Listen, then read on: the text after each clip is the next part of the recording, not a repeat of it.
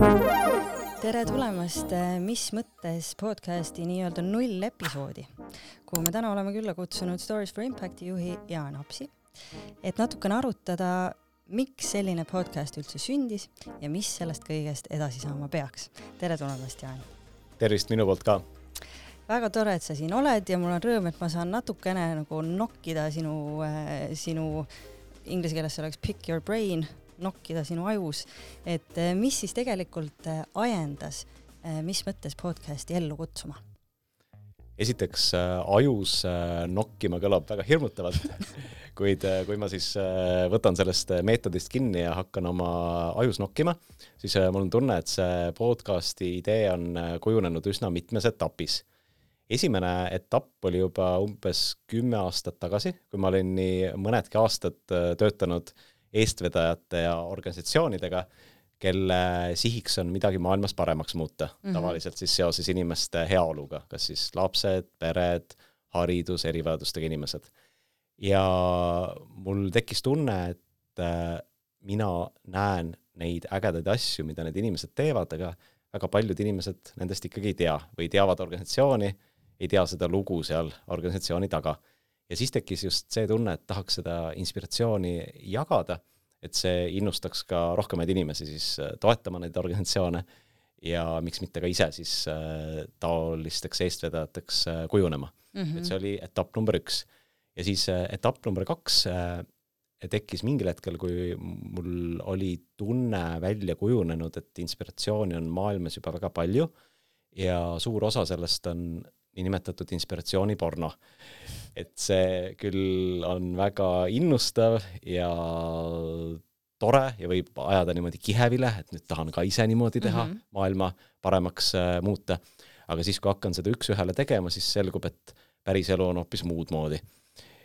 ja kuskil kaks aastat tagasi siis need erinevad liinid saidki siis äh, ajus äh, kokku, et äh, tahan aidata kaasa sellele, et äh, olulistest teemadest oleks äh, rohkem juttu ja kõigist mm -hmm. nendest eestvedajatest ja nii edasi, nii edasi, kuid siis viisil, mis ei oleks inspiratsiooniporno okay.. ja vaimse tervise valdkond äh, tundus siis väga hea valdkond, millest hakata peale, sest ühelt poolt see on väga-väga oluline, muutub üha äh, ütleme, kriitilisema tähtsusega, et me üldse ühiskonnana jääksime terveks ja teiselt poolt äh, mulle tekkiski tunne, et äh, just vaimse tervise valdkonnas on väga palju võib-olla sellist eneseabi inspiratsiooni mm, -hmm. kuid just puudu jääb äh, sellest, et kas või see, et miks siis sellest eneseabi inspiratsioonist äh, abi ei ole nii palju või miks vaimse tervise probleeme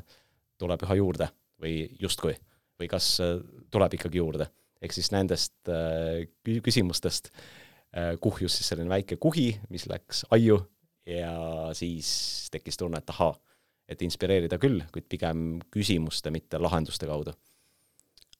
väga huvitav äh, teekond ja mis sind, mis ajendas sind just nimelt podcast'i vormi valima, et see on kõige parem viis neid vestlusi pidada ja neid küsimusi esitada? kuna mulle meeldivad kombinatsioonid erinevatest asjadest, siis äh, podcast on väga hea kombinatsioon siis äh, suhtlusvahendist äh, inimestega, mis on ühelt poolt tohutult vanamoeline mm. ja teiselt poolt väga nüüdisaegne, kaasaegne, tulevikku suunatud. vanamoeline osa on sellest, et räägime lugusid ja see on ju raadio tegelikult, raadiosaade. peaaegu. peaaegu raadiosaade meil küll käib kaamera ka, aga olemuslikult on ta raadiosaade. ja, ja., ja kaamera on hea näide sellest, et ta on ka väga kaasaegne, seda saab väga kaasaegsetel viisidel levitada ja see mind äh, võluski, et on selline omamoodi kunstivorm, et äh, seotud nii lõkkeõhtutega, mis oli ürginimestel, ja samas kõik need äh, levitusmeetodid on siis just sellised, mis siis aitavad sellel inspiratsioonil, mis ei ole inspiratsiooniporno võimalikult paljude inimesteni jõuda äh, kui ma nüüd küsingi selle nii-öelda helesinise unistuse või eesmärgi kohta, et äh, et ühest küljest sa seda inspiratsiooni aspekti mainisid, aga mis on sinu ootus või lootus, et mis võiks olla selle podcast'i sarja tulemus? mida me püüame saavutada? Äh, seda, et äh, vaimse tervise valdkonnas hakatakse järgima vanasõna, et mõõdame kõigepealt mitu korda ja siis lõikame. sest äh, väga palju ühiskondlike muutuste kommunikatsioonist keskendub sellele, et meil on probleemid mm, -hmm. meil enam aega ei ole, noh, kliimamuutus on siin hea näide, et juba oleks pidanud kümme, kakskümmend aastat tagasi tegutsema ja see on see, et, et nüüd enam ei ole aega mõelda, et nüüd on vaja teha. ja natukene on niimoodi ka vaimse tervise valdkonnas, et noh, et kriis on juba siin ja praegu, et hakkame tegutsema mm. -hmm. ja loomulikult tuleb vältida seda, et niimoodi lõputult analüüsida ja mõelda, et mis see kõige õigem variant on, et siis ei jõua Äh, ka midagi, kuid ma loodan, et see podcast aitab kaasa tasakaalule, et enne ikkagi, kui me oleme märganud äh, probleemi, et siis uurida ka, et äh, kas see ikkagi on probleem või miks see probleem on või miks ta siis ikkagi on ja mm. siis uurida ka selle kohta, et kõiki on juba lahendada ju ka proovitud, et miks need lahendused siis ei toimi. et selliseid küsimusi küsida kõigepealt omajagu ja siis vaadata, et mis nendest vastustest koorub välja, et mis see lahendustee siis võiks olla? ehk siis ta on selline ood kriitilisele mõtlemisele, võib öelda. just, jaa, poeetiliselt tõesti. äkki, äkki muudame podcasti pealkirja ära, et ood ja. kriitilisele mõtlemisele ambitsioonikas mõte ehm,. aga ellukutsujaks, mis mõttes ellukutsujaks on Stories for Impact, mida sina oled juba pikka aega juhtinud, kas sa räägiksid natukene ka äh, Äh, sellest organisatsioonist ja et mis on Stories for Impacti missioon? Äh, Stories for Impacti missioon on aidata organisatsioone, kes soovivad äh, muuta midagi paremaks seoses inimeste heaolu ja arenguga. ja mida see konkreetsemalt tähendab, ongi kõik need aspektid, millest inimeste heaolu koosneb, et lapsed kasvaksid üles keskkonnas, kus neil on hea arengukeskkond, et äh, haridus, noorsootöö, äh, füüsiline, vaimne tervis ja nii edasi ja mm. mida me siis aitame teha, on see, et need organisatsioonid, äh, kes sellele keskenduvad, et neil oleksid siis vajadused, miks nad üldse tegutsevad, hästi kaardistatud, sihid paigas ja siis meie leivanumber on just seesama sihtideni jõudmise mõõtmise pool, et kuidas siis läheb, ütleme, kvalitatiivsed, kvantitatiivsed uuringud ja siis äh, mida sellest infost äh, õppida. ja kui vaadata, et mis need äh, valdkonnad on, et kus siis oleme tegutsenud kõige rohkem, ongi just ütleme, laste, perede ja noortega seonduv ja siis seesama vaimse tervise valdkond. tahad sa mõne näite tuua mõnest projektist, millesse Stories for Impact on panustanud?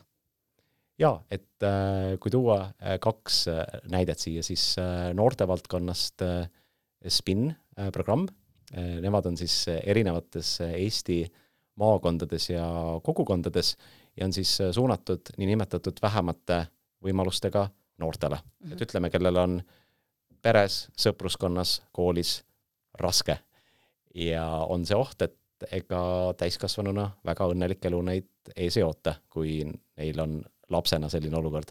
ja mida SPIN programm pakub, on siis kolm korda nädalas sessioonid Äh, sport pluss niinimetatud eluoskused mm.. ehk siis äh, meeskonnatöö, eneseanalüüs ja nii edasi. tavaliselt on siis spordialaks jalgpall. ja nendel me siis äh, aitasimegi just seda mõjumudelit edasi arendada ja mida see mõjumudel tähendab, et äh, mida me siis ikkagi soovime, et nende noorte elus muutuks võrreldes praegusega, et kuidas me saame aru, et mis siis praegu nende eludes ikkagi toimub ja kuidas me aru saame, et me teeme oma tööd hästi. et see on -hmm. näiteks üks näide.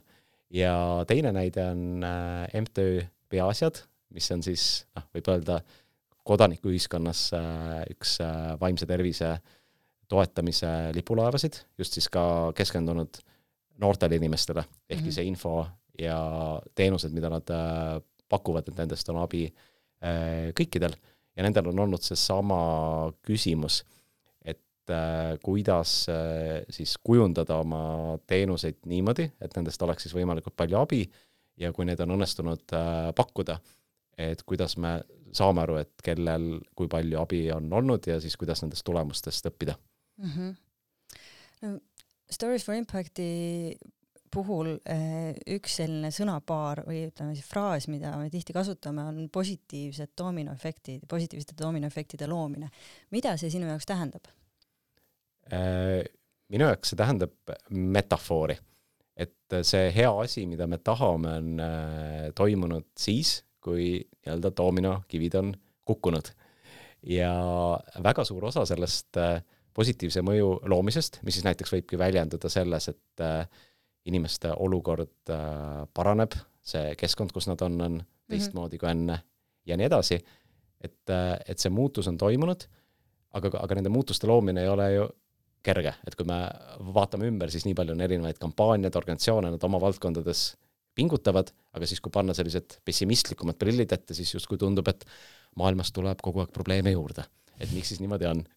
ja siis, äh, mida me siis aitame teha, on äh, ka mõelda läbi, et mis on siis need eeldused, et äh, üldse seda mõju õnnestuks luua. et kui näiteks hüpata vaimse tervise valdkonda ja tuua mm -hmm. siis ühe näitega teemast, mis ma loodan, et tuleb mõnes järgnevas episoodis jutuks, näiteks on teadusuuringuid, mis näitavad, et kui nüüd inimene vajab vaimse tervise abi, näiteks siis terapeudilt või psühholoogilt, et siis üks peamiseid edutegureid on see, et milline klapp, milline usalduslik suhe nende vahel tekib. et see on üks peamiseid edutegureid. Mm.. ja siis, kui me vaatame, et kuidas hetkel vaimse tervise süsteemi siis nii Eestis kui mujal üritatakse arendada, on see, et ikkagi äh, kvantiteeti äh, või siis meil on mingid uued metoodilised lähenemised, me katsetame digilahendusi ja nii edasi, kuid selle usaldusliku suhte teemaga justkui ei tegeleta või siis pigem see tunne, et äh, spetsialistidest on puudus, et me peame neid sessioone läbi viima veel efektiivsemalt, võib-olla üha rohkem ka gruppides, et see töötab ju sellele vastu, et seda usalduslikku suhet saaks tekkida. Ja siis näiteks mulle tundub, et see on üks eeldus, et korraks unustame kõik need skaleerimised ja muud lahendused ära ja hakkame siis häkkima seda, et kuidas siis näiteks äh, inimestel oleks võimalikult lai valik, et leida siis äh, kvaliteetsete terapeutide seast just see, kellega on see usaldusliku suhte tekkimise potentsiaal mm -hmm. ja kui siis see nii-öelda match on leitud, et siis kuidas disainida seda protsessi, et siis see usalduslik suhe tekiks siis võimalikult efektiivselt, kuna me ajame siis efektiivsust äh, taga ka. ehk siis mhm. mul on tunne, et kui vaadata seda eelduste poolt, et see kokkuvõttes viib ikkagi selle inspiratsiooni ja lahendusteni, kui ta võib siis äh, viia, ütleme, teistsuguste lahendussuundadeni kui see, kui oi, meil on äh, vaimse tervise valdkonnas inimesi puudu, noh et näiteks hakkame siis pakkuma täiega digilahendusi, et mm -hmm. oleks mhm. kergem skaleerida mm. -hmm. et me ei otsiks alati, ma ei tea, kas nii võib öelda, et me ei otsiks alati kõige kiiremat, lihtsamat lahendust, vaid et see, mida me peame optimaalseks, oleks tõesti läbi mõtestatud, et see nii, nii ka on võin ma nii öelda selle kohta? jaa, ja siis äh, mõnikord võibki ju selguda, et see ei pea tähendama äh, et kõike tuleb siis teha veel rohkem ja veel põhjalikumalt mm, -hmm. et mhm. kui mingisugused põhilised eeldused saavad paika, et siis võib-olla on mingid asjad, kust saab siis teha selliseid otseteesid ka, et äh, see võib-olla ei olegi nii oluline, et need asjad saame kõrvale jätta. selge, aga ma küsiks ka seda, et äh, miks äh, on oluline rääkida neist mõjuküsimustest ja kuidas sulle tundub tänases Eestis organisatsioonide selline üldine kultuur, et kui kui teadlikud me oleme sellest, et, et mõju juhtida, analüüsida, neid eesmärke sääraselt seada, mida sinu kui, kui selle noh, nagu spetsialisti vaatenurk äh, ütleb? Äh, tuleb selline väga teaduslik vastus ehk nii ja naa.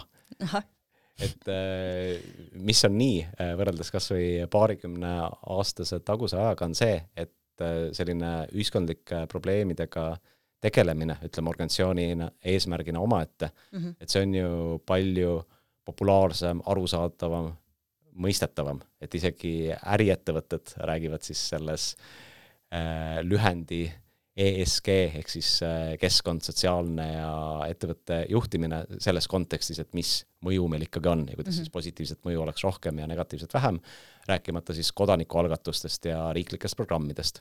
et selline ühiskondliku eesmärgi seadmine on palju rohkem normaliseeritud. kuid see naapool ongi see, millele ma meie vestluse alguses viitasin, et näeme probleemi, tegelema oleks pidanud sellega hakkama juba kümneid aastaid tagasi mm, -hmm. läheme tegutsema. võib-olla selline startup-ilik lähenemine ka, noh et õpime töö käigus. kuid äh, äh ütleme, et kuigi ma olen nõus sellega, et õpime töö käigus, et see õpime nagunii töö just, käigus ka, õpime nagunii, kuid õppimine eeldab ka seda, et meil on siis alguses mingid hüpoteesid, et mm -hmm. meil on mhm. siis paigas need eeldused ja me siis, nagu ka startup'id, testime neid äh, eelduseid töö käigus ja siis äh, ütleme, kogu selle protsessi kujundame ka selliseks, et neid õppetunde on võimalik arvesse võtta, et kui tuua jälle ühe praktilise näite, siis enamus Eesti sotsiaalvaldkonnast ja osa vaimse tervise rahastusest põhineb ju Euroopa Liidu rahastusel mm, -hmm. kus on äh, ütleme siis maksumaksja raha korrektse kasutamise huvides paigas väga ranged reeglid, et kui on mingi programm või projekt, et siis ma pean selle täpselt niimoodi ellu viima, ükskõik, kas ma olen riigiametniku rollis või ma olen äh, toetuse saaja äh, rollis äh, vabaühenduses, nagu on ette nähtud, näiteks kolme aasta jooksul. aga see ju sotsiaalvaldkonnas, tervisevaldkonnas välistab õppimise. võib-olla ma saan pool aastat hiljem teada, et see vajadus oli ikkagi midagi natukene teistmoodi, võib-olla on vaja teistsuguseid tegevusi mm -hmm. ja siis juhul, kui see rahastus on ikkagi niimoodi juba väga ära reguleeritud, siis tegelikult selline sotsiaalse innovatsiooni potentsiaal äh, puudub, ehk siis mm -hmm. ma mhm. pean viima selle ellu just niimoodi, nagu ma lubasin välja, kuigi võib-olla selgub, et osad eeldused olid täiesti valed. selge. mida sellises olukorras teha?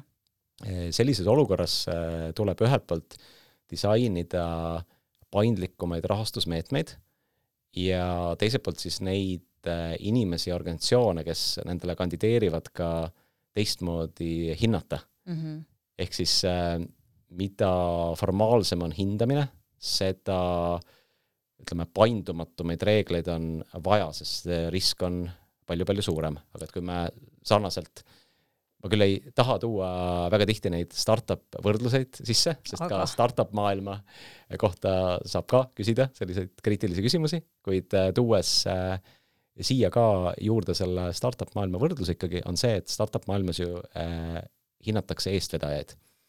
ja tihti me ka sotsiaalvaldkonnas, tervisevaldkonnas me ikkagi hindame metoodilisi lähenemisi ja programme, kas see on mhm. teaduspõhine või mitte ja siis üks teema, mis mind ka intrigeerib ja mis oli ka üks selle podcast'i algatamise intrigeerivatest küsimustest, on see, aga kas või vaimse tervise valdkonnas, eh, mis siis, kui eh, ma küll olen väga hästi metoodiliselt õppinud välja, kas või psühholoog, aga mu isikuomadused on sellised, et ma enamustele inimestele ei suuda näiteks pakkuda teenust viisil, mis aitaks seda usalduslikku suhet luua ja kuidas sellist asja häkkida.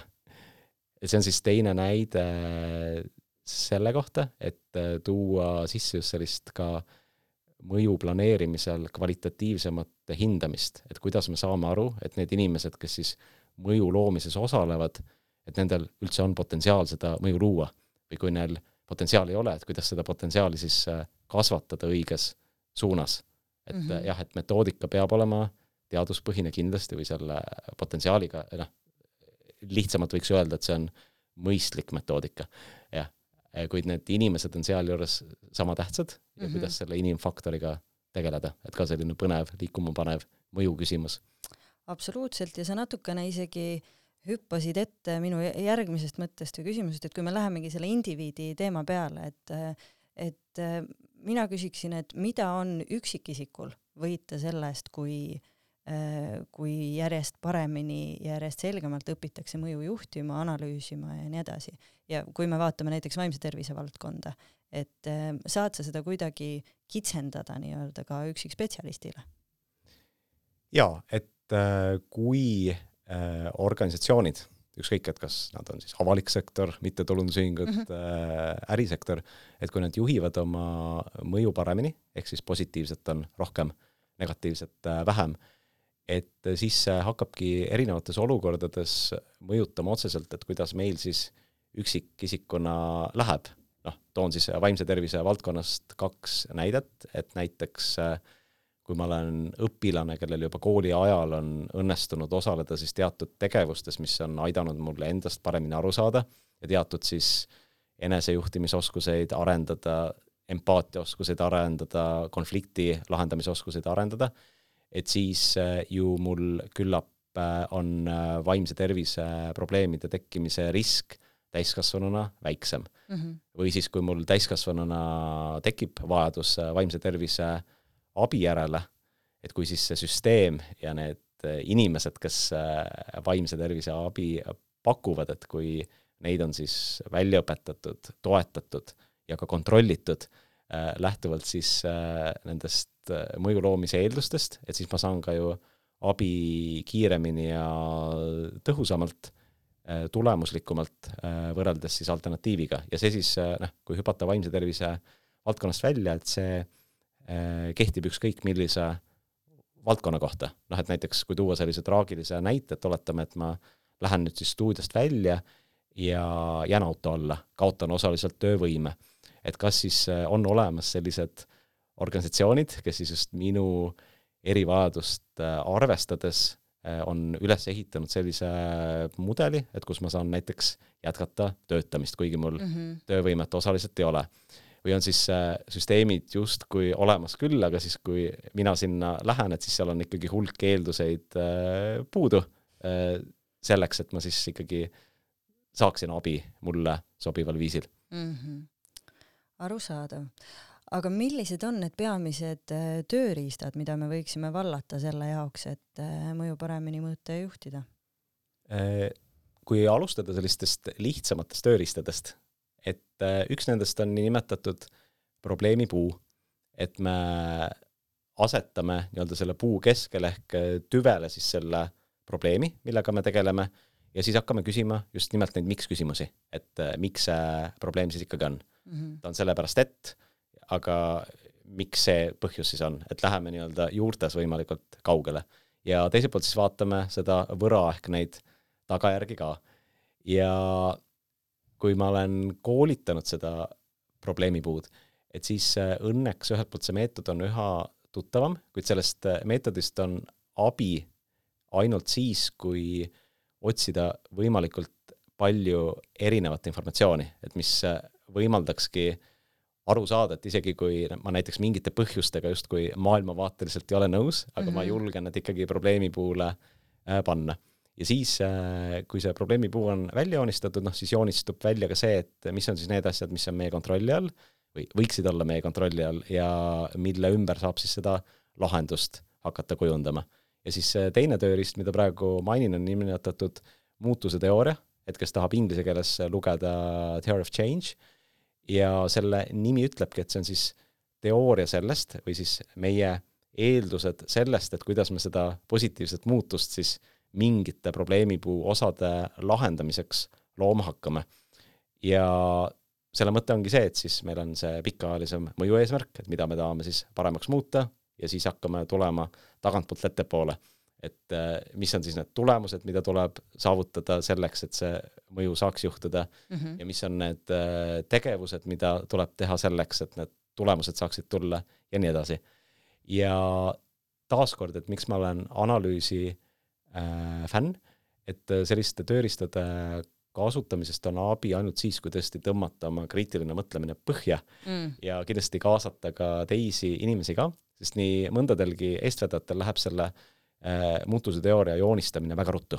sest ma ju tean, mida ma teen, mu see mõju eesmärk on see, need äh, tulemused, mida me tahame, on see, need tegevused, mida me juba praegu teeme, on need ja need, aga et miks sellist asja üldse on joonistada vaja, et me ju praktikutena seda juba teemegi mm. -hmm. kuid äh, see muutuse teooria aitabki just küsida neid küsimusi, aga mis on näiteks need eeldused, mis on vajalikud selleks, et need tegevused tõesti viiksid sihile et, äh, et näiteks kui tuua kas või selle spin-programmi näite, et äh, miks neil on just meeskonnaalad, näiteks jalgpall, näiteks korvpall, mida nad mm -hmm. siis äh, lisaks eluoskustele pakuvad vähemate võimalustega noortele, ongi see, et teadusuuringud on näidanud, et kui me kaasame vähemate võimalustega noori ja me tahame neile just süstida e-, eneseusku ja teiselt poolt panna nad olukordadesse, kus nad õpivad siis tulema toime enda ja teiste emotsioonidega, see peab olema meeskonnaala ehk siis neid eluoskusi rakendama nii-öelda. just, just, jah,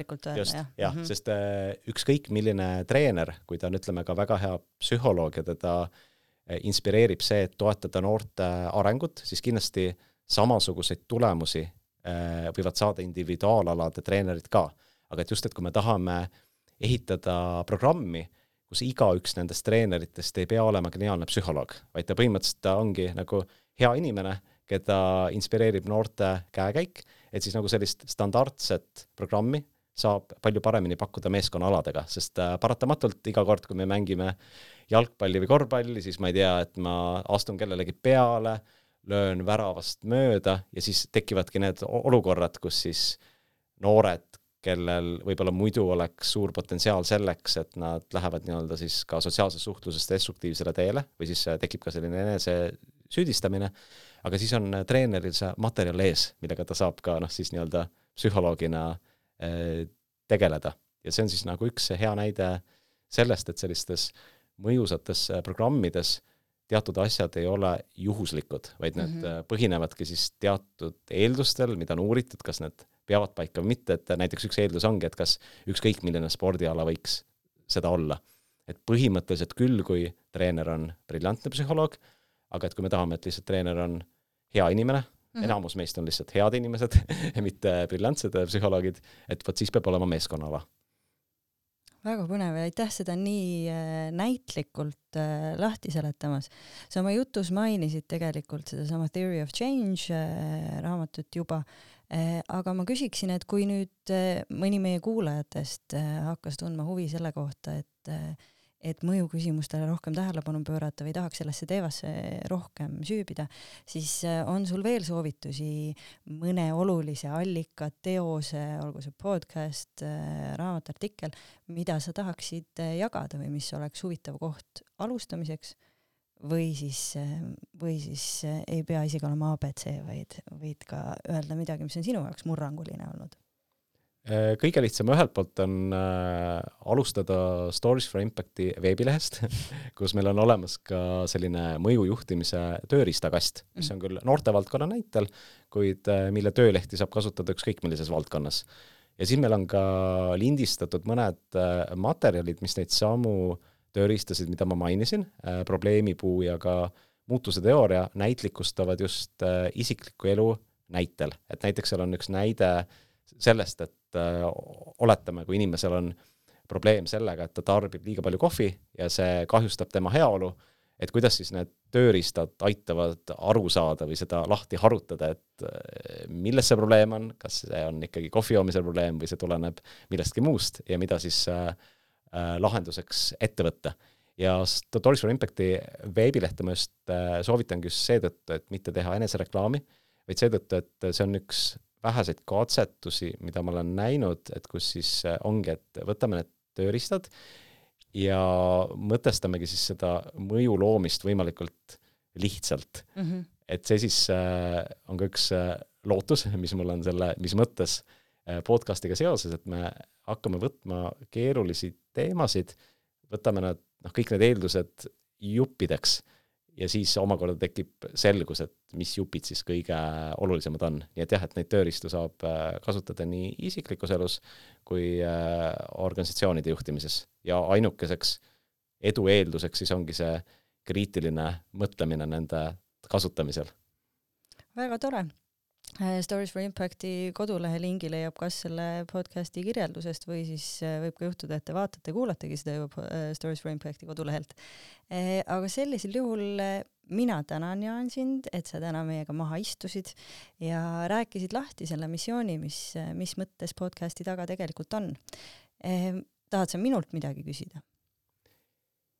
jaa, et äh, kuna sa oled juba podcasti ette valmistades süvenenud vaimse tervise valdkonna küsimustesse, mis just aitaksid neid positiivse mõju loomise eelduseid äh, lahti harutada.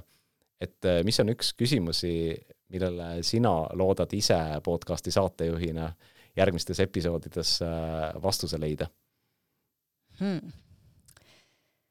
Väga hea küsimus ja ma pean ütlema, et sellel ei ole ühtainsat vastust, vaid neid on mitu. minule on pakkunud väga huvi see, et esiteks, et kuhu kogu meie vaimse tervise valdkond eh, teel on, mis on need arengusuunad ja mis on parimad praktikad, mille, mille poole me tegelikult püüame liikuda. Ehm, see, kuidas inimene selle teekonna või selle süsteemi sees oma tee leiab või kuidas seal sees navigeerida ja üks just nimelt sellest mõjust äh, lähtuv küsimus, äh, mille me siin oleme püstitanud, on see, et kuidas teada, kas teraapiast või, või, või ka muust sekkumisest, et sellest on kasu.